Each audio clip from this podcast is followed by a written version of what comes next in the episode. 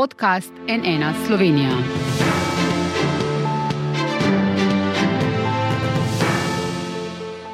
Dobr dan, to je NN studio. Ali res vsi živimo slabše, ker je vlada močno napihnila poplavno škodo? Tako trdijo opoziciji in se sprašujejo, odkot zdaj že 10 milijard škode, svarijo, da bomo dobili novo bančno luknjo. Zakaj bi obnavljali ceste, ki sploh še niso zgrajene, ali pa plačevali alkohol in cigarete, varovanje hiš? Vlada, ki je vlogo za pomoč ravno danes poslala v Bruselj, odgovarja: denar ne raste na drevesih, tudi ceste, ki jih še ni, so del protipoplavne obnove oziroma zaščite. Poraba denarja pa da bo pod strogim nadzorom. Direktno seje parlamentarne komisije za nadzor javnih financ, kjer je potekala debata prav o tem, je z nami ministr za kohezijo in regionalni razvoj Aleksandr Jevšek. Dobr dan, dobrodošli. Dobar dan. Eh, naj pa na, mestu, eh, na tem mestu povem tudi, da je udeležbo na, v današnji oddaji potrdil tudi predsednik eh, omenjene komisije Jrnej Vrtovec iz Nove Slovenije, a je tik pred zdajci sklical še eno sejo komisije zaradi resničnostnega šova, ki ga načrtuje obramno ministrstvo, zato v naš studio kljub potrditvi udeležbe, kot rečeno, potem ni prišel. Imam pa kar nekaj vprašanj za vas, gospod minister, tako da kar uh, začniva najprej to. Torej, kako odgovarjate na te očitke opozicije, da vlada napihuje poplavno škodo in da zaradi tega vsi živimo slabše? Da ne živimo slabše in da ne napihujemo poplavne škode. Uh, treba je ločiti dva termina, uh, o katerem sem tudi danes govoril uh, pred komisijo. Da je eno ocena neposredne škode, drugo pa je ocena posledic poplav, katerih smo bili priča. In uh, ta ocena posledic poplav in posledic te naravne nesreče uh, ni ocena, katero metodologijo bi si izmislili tukaj v Sloveniji, ampak je to metodologija Svetovne banke, Evropske banke za razvoj in tudi metodologija, ki smo jo uskladili skupaj z Evropsko komisijo, ki odloča o solidarnostnem skladu. Razlika je v tem, da ko govorimo o neposredni škodi, je primeroma sto let stara hiša, ki je vredna 30 tisoč evrov in je uničena po poplavah, eh, dejansko in neposredna materialna škoda. Posledice tega in to je to, kar mi v tej metodologiji uporabljamo, pa je, da bo potrebno to hišo izgraditi na drugem območju, kjer ni poplav, da bo potrebno pridobiti zemljišče in to stane, narediti projekt za hišo in hišo zgraditi po novih cenah, ne tistih izpred stotih let. Uh mhm. -huh. In tako je tudi pri plazovih, tako je tudi pri sanacijah rek in sanacijah cest in sanacijah mostov. A pa vi veste, se pravi, čujem, koliko je teh hiš, ki jih omenjate, ne, za katere ste dali ta primer? V metodologiji je tudi priloga, kjer je opis eh, vseh stanovanjskih objektov, stanovanj in stanovanjskih hiš, in tudi stopnja prizadetosti teh hiš. In uh, kolegi iz Ministrstva za uh, okolje in prostor, torej MNVP, so uh, skupaj z zunanjimi strokovnjaki po internih metodologijah, ki so prav tako uh, za oceno škode in posledic na stanovanjskih objektih, uh, pripravili. Uh, oceno po različnih stopnjah prizadetosti in po tej logiki, o kateri sem govoril, tudi ocenili, koliko bo stala sanacija teh objektov. Mislim pa, da je objektov vseh skupaj, eh, ki so bili prizadeti, eh, preko 400. Mhm. Zdaj, eh, nekako očitki opozicije so šli v smeri, ne, da, glede tega, da zdaj vsi živimo slabše, ne, ker je škoda ocenjena na 10 milijard, ker je to tako velika številka je to potem izgovor ali pa razlog za državo, za finančno ministrstvo, da se davčno bremeni gospodarstvo, zdaj citiram gospoda Vrtovca, zatiskajo se pasovi pri fizičnih osebah, zamrznejo je usklajevanje plač, na drugi strani je zamrznjen tudi brezplačen vrtec za drugega otroka. Vprašanje je, kako se bodo usklajevali socialni transferi, je naštel in opozoril, da se pri tem povišuje tudi javni dolg Slovenije. Kako pa na ta del odgovarjate, da ravno zato, ker je ta škoda ocenjena na tako veliko, bo potem na drugi strani vlada vrčevala oziroma vzela pri državljanih, ki bodo zato živeli slabše. Poglejte, prvo je treba povedati in se sprehoditi po Ljubljani in ugotoviti, ali živimo slabše, kot smo živeli eh, pred poplavami. In drugo, sprehodimo se po Koroškem in zgornji Savinski dolini in bodo, boste ugotovili, da ljudje tam živijo zelo slabo in da jim je treba pomagati. To je prva stvar. In seveda vsaka sanacija uh, tako velike katastrofe državo stane, ne glede na to, da tudi uh, iščemo vire v Evropi in pa tudi druge. Uh, na vsa ta vprašanja, o katerih uh, vi govorite, bo potrebno še odgovoriti tudi v nadaljnih pogajanjih, tako s sindikati, kot tudi v proračunski debati. Tako da Ti predlogi niso dokončni predlogi, so predlogi uh, vlade, uh, ki so bili uh, skupaj z socialnimi partnerji uh, usklajeni v veliki meri. Uh, na nek način pa ja, uh, potrebno bo nekoliko tudi uh, določiti prioritete, ki jih bomo počeli v naši državi, uh, kajti ob vseh teh. Katastrofah in pa eh, ob vseh teh eh, okoliščinah, v katerih eh, vlade v Evropi delujejo, se tudi ostale evropske vlade soočajo z problemi, da se ne ohranjajo več tako visoke in široke bonitete na vseh področjih družbenega življenja. Mhm. Bomo pa seveda videli, kje bo vlada potem vzela ta denar, eh, verjetno ga nekje bo morala, absolutno. Zdaj, če greva k konkretnim primerom, ki so bili tudi največkrat eh, omenjani strani opozicije, recimo obvoznica Luče, ne, ki sploh še ni zgrajena, pa se je znašla v oceni te škode. Z direkcije za infrastrukturo so nam pojasnili in zdaj citiram: Obvoznica Luče je del nedokončane poplavne varnosti Luč, v sklopu katere bo zgrajen cestni nasip in ustrezna premustitev Mlinščice ter Savinje. Gre za celovite rešitve rešitve ob upoštevanju podnebnih sprememb za zagotovitev polne funkcionalnosti objekta. Lahko vi pojasnite, zakaj so lahko nedokončani projekti v oceni škode ali imamo zaradi tega lahko eh, težave z Evropsko komisijo? Je to običajno? Poglejte, metodologija uh, in pa samo izpolnjevanje vloge za solidarnostni sklad so izjemno uh, natančno določeni. In mi smo obrazec uh, in pa dokumentacijo pripravljali v sodelovanju z Evropsko komisijo. In uh, v sami vlogi uh, ni nikjer konkretno naveden noben uh, konkreten projekt ali pa investicija.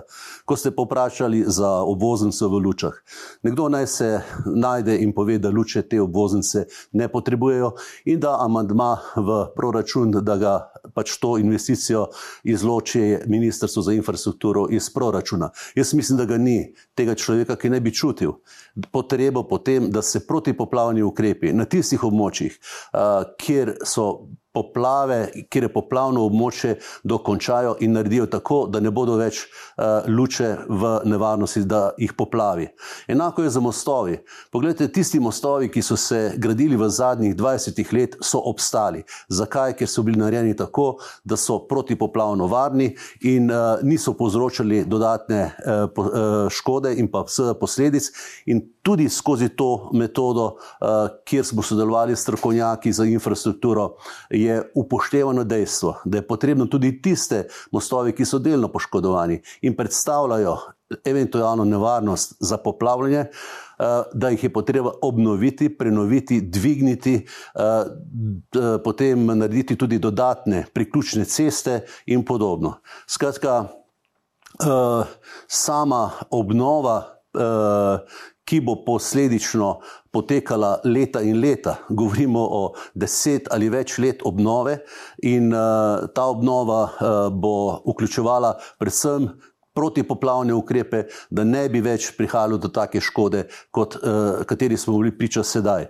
Kajti uh, veliko krat se je v preteklosti žal prelagalo protipoplavne, protipoplavne ukrepe in uh, situacijo imamo sedaj na dlani.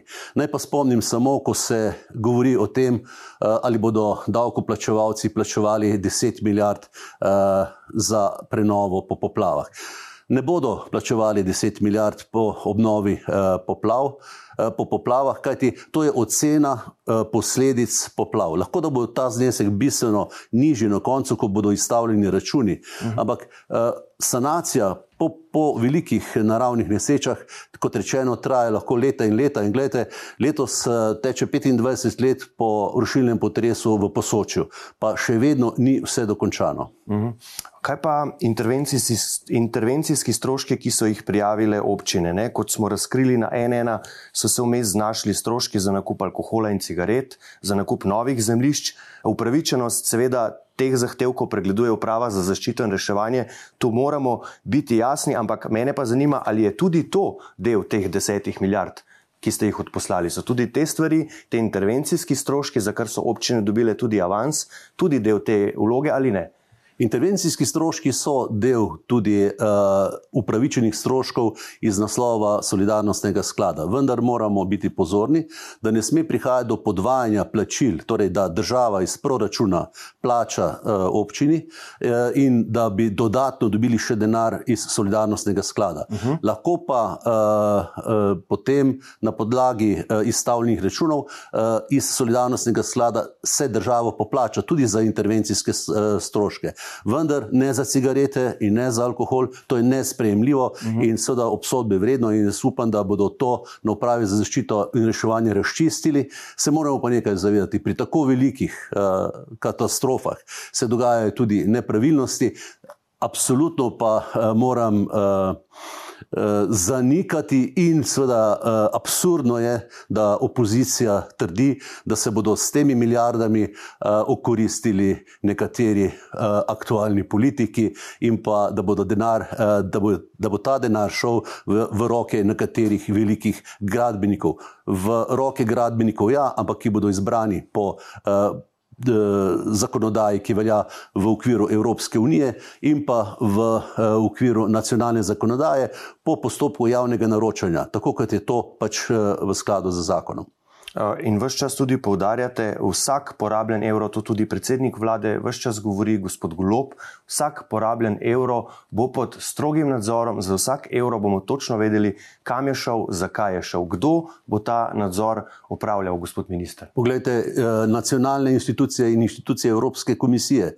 Evropska komisija zelo natančno pregleda vlogo, ki jo je država dala in potem zelo natančno po odobritvi in podpisu pogodbe o solidarnostnem denarju skrbi za to, da je nadzor Evropske komisije nad porabljenim evropskim denarjem eh, zelo natančen. In eh, tukaj so mehanizmi na podlagi uredbe o solidarnostnem skladu in ostali mehanizmi, nadzorni mehanizmi povezani z financiranjem iz evropskih denarjev, jasni in zelo strogi. Mhm.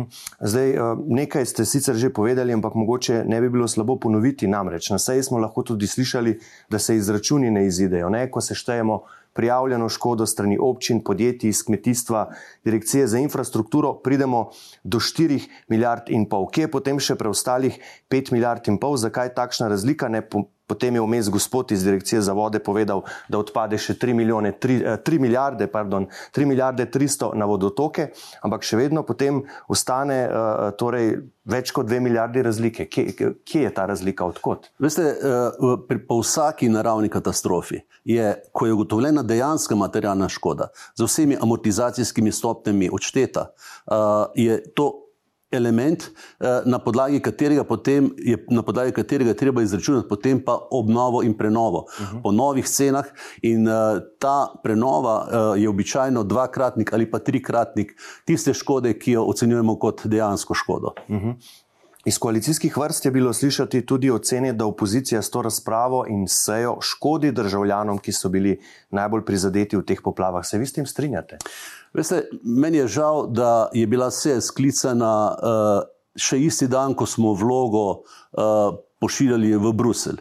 Uh, ko sem odhajal iz ministrstva v parlament, so moji sodelavci, uh, ki so pravili izjemno delo, in tudi uh, sodelavci iz drugih ministrstv, ki so sodelovali v medresorski delovni skupini. In tukaj se moram tudi na tem mestu zahvaliti res za 11-tedensko delo, eh, sobote in nedelje skozi, da smo lahko dobili uh, en dober, uh, dober uh, uh, dokument uh, in ga danes poslali. Torej, žal mi je, da. Niso v komisiji počakali vsaj dva, tri dni, da bi jim vlogo, ki obsega 150 strani, dali, da jo pogledajo, da jo preberejo. Kajti v sami vlogi so uh, odgovori na vsa vprašanja, o katerih se tudi mi dva danes pogovarjava. Uh -huh. uh, zakaj je taka razlika, katere metode smo uporabili, uh, kako so znotraj uh, posameznih področji, ki jih je devet, strokovnjaki ocenjevali posledice poplav. In seveda, jaz sem danes tudi predsedniku komisije povedal, jaz sem mu ponudil, mi vam pošljemo uh, takoj to vlogo, preberite si jo, prosim, in se bomo potem pogovarjali, ker bo bistveno lažje. Ker težko se pogovarjamo o dokumentu, ki ga je prebral in naredil samo en, druga stran pa potem sprašuje, uh, ker nima vedenja, kaj not piše. Bomo videli potem, ko bo prebral, če bo sklical še eno sejo uh, komisije. To bomo videli zdaj, kot ste rekli. Slovenija je to vlogo Evropski komisiji oddala. Uh, kaj vse ne boste seveda vsega naštevali, ampak mogoče tiste ključne stvari je v njej in kdaj, to je pa najbolj pomembno, vlada zdaj pričakuje teh prvih 100 milijonov. To, to ne bi bilo še letos, kdaj? Torej, vloga vsebuje uh, devet področji, uh, naj naštejem samo nekatera: infrastruktura, uh, potem uh, javna uh, kanalizacijska infrastruktura, uh, poškodbe na vodotokih, uh, zelo pomembno plazovi, uh, mostovi, ceste, kot rečeno, uh, kulturna dediščina, uh, potem tudi vsa škoda, ki je nastala tudi v zasebnem sektorju, uh, torej tista, ki je bila upisana v sistem AIDA.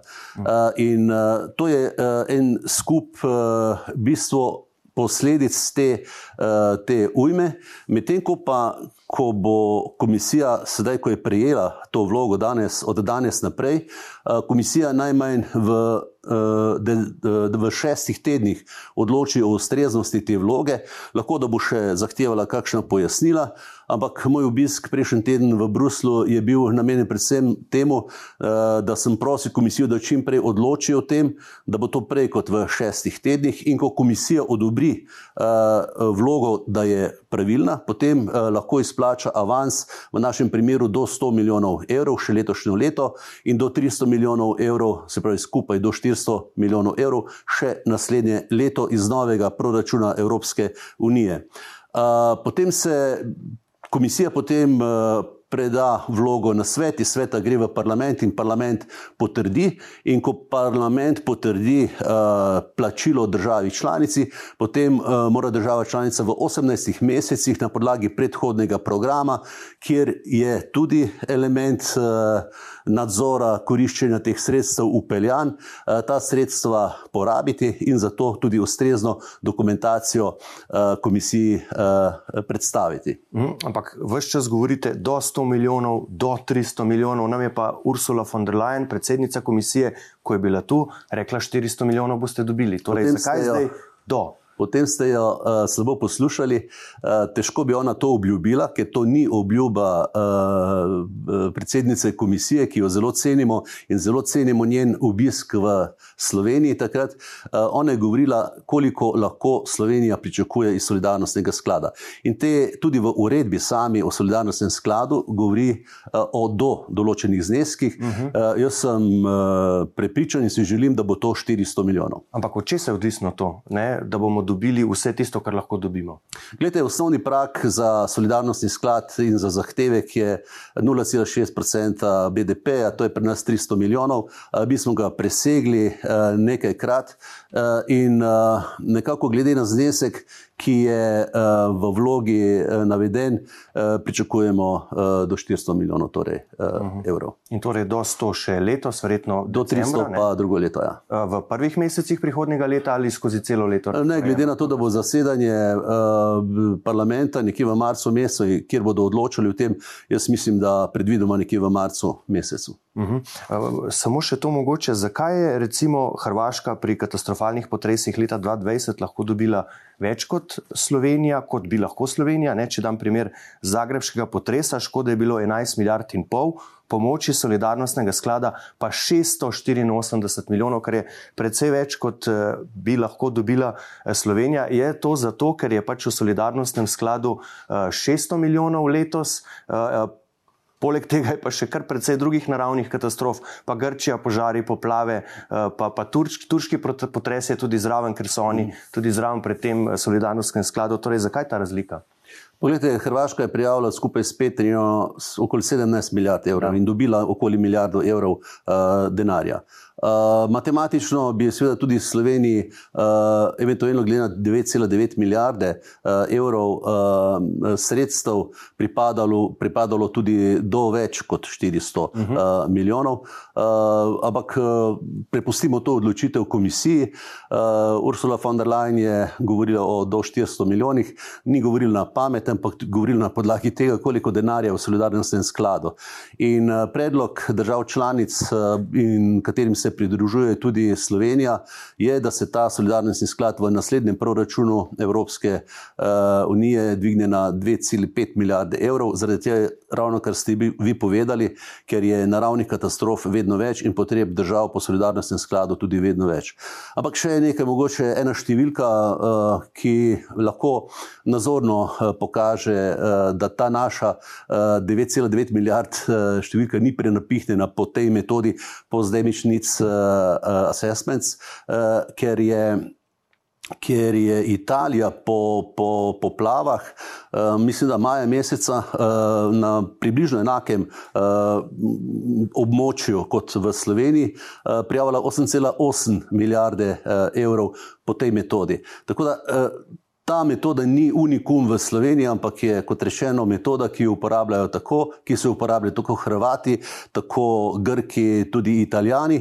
In eh, še več, eh, mi smo zaprosili Hrvaško, da, ker smo to pravzaprav po tej metodi delali prvič, da nam pomagajo za strokovnjaki uh -huh. in isti strokovnjaki, sprinki in imeni, ki so pripravljali vlogo za Hrvaško, so bili praktično 11 tednov tukaj z nami uh, v Sloveniji in uh, pripravljali skupaj z nami to vlogo.